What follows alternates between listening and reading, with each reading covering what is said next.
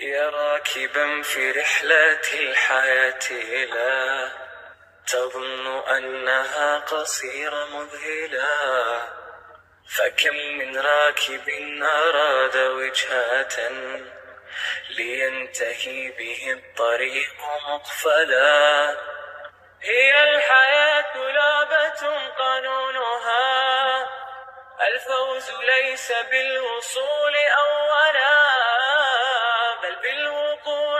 والوقوع فرصة للحلم أن يقيس العزم سائلا استسلما أم أكملا. مرحبا أنا ماريا وهذا بودكاست ضياء. عزيزي المستمع أريدك أن تتوقف قليلا لتسمع ما أود قوله الآن. كيف حالك في هذه اللحظة؟ هل أنت بخير من الداخل؟ ساكن ومطمئن حتى وإن كنت في قلب المعركة. أم أنك تخوض معارك لا تنتهي من الداخل ومن الخارج. هون عليك الأمر. أنا أعلم أن الوقت يمضي وأنه يجب علينا مواصلة المسير والنضال في سبيل الفوز بمعاركنا وأن نعيش بالشكل الذي نريده ونحلم به. ولكن هل نحن نعيش بالشكل الذي يجب أن تكون عليه الحياة؟ أن تكون رحبة وساكنة ومطمئنة؟ أعترف أني سابقا كنت أرفض فكرة التوقف وأني كنت دائمة الركض. ظنا مني أني سأصل مبكرا. ويا لغبائي حين كنت أظن ذلك وحين كنت أستكثر على نفسي الوقوف. ويؤنبني ضميري عندما كنت أقف من الركض لآخذ استراحة محارب.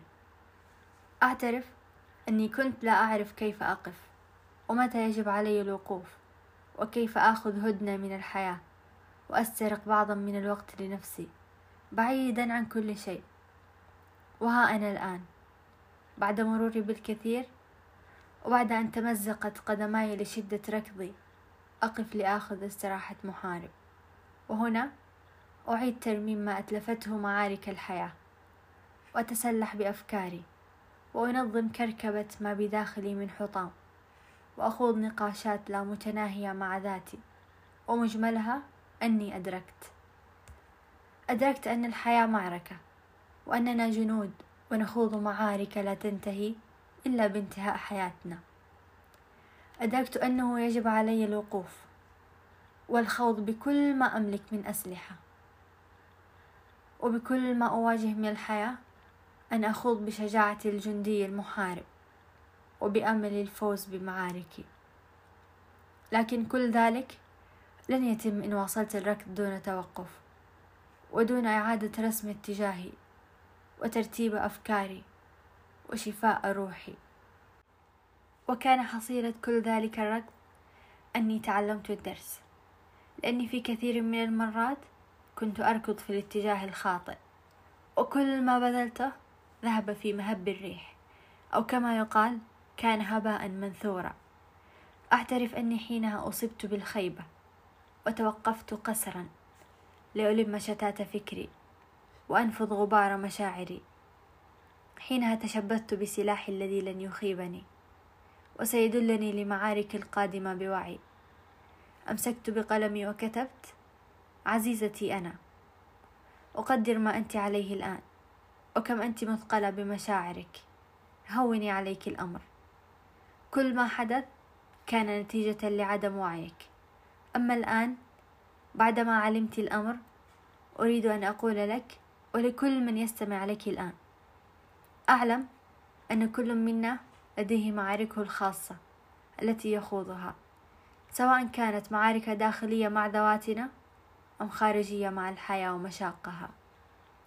لا أحد يعلم كم من المشاعر التي نحملها بداخلنا ولا كيف نشعر وكيف نسير ونحن مثقلين بكل تلك المشاعر وتائهين ولا نعلم أين نتجه.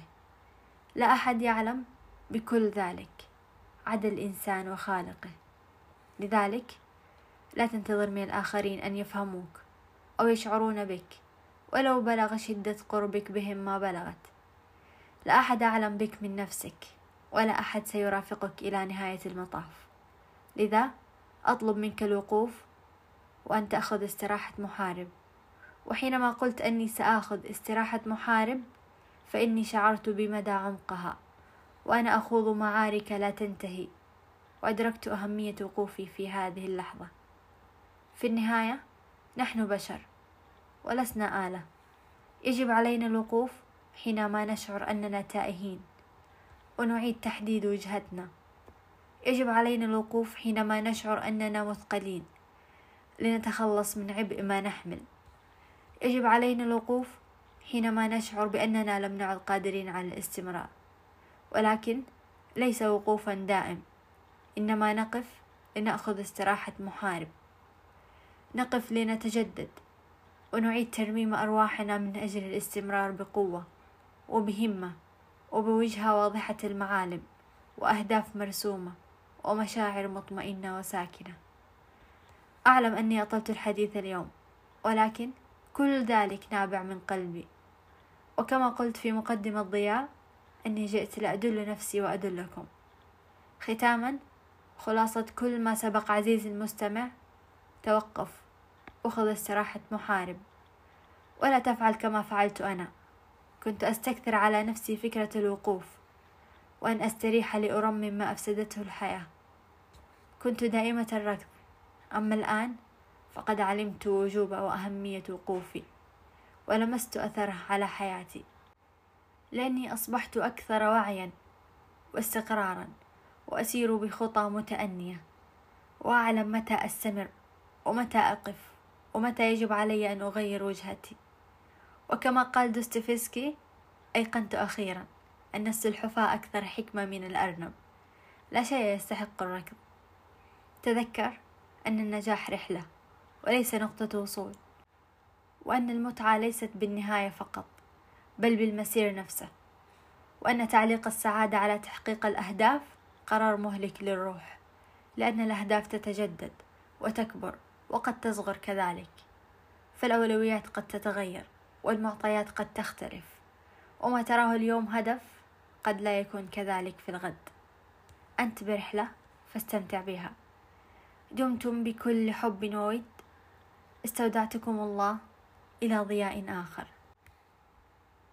يا راكبا في رحلة الحياة لا تظن أنها قصيرة مذهلة. فكم من راكب أراد وجهة لينتهي به الطريق مقفلا. هي الحياة لعبة قانونها. الفوز ليس بالوصول أولا بل بالوقوع والوقوع فرصة. للحلم أن يقيس العزم سائلا استسلما أم أكملا؟ فاستمر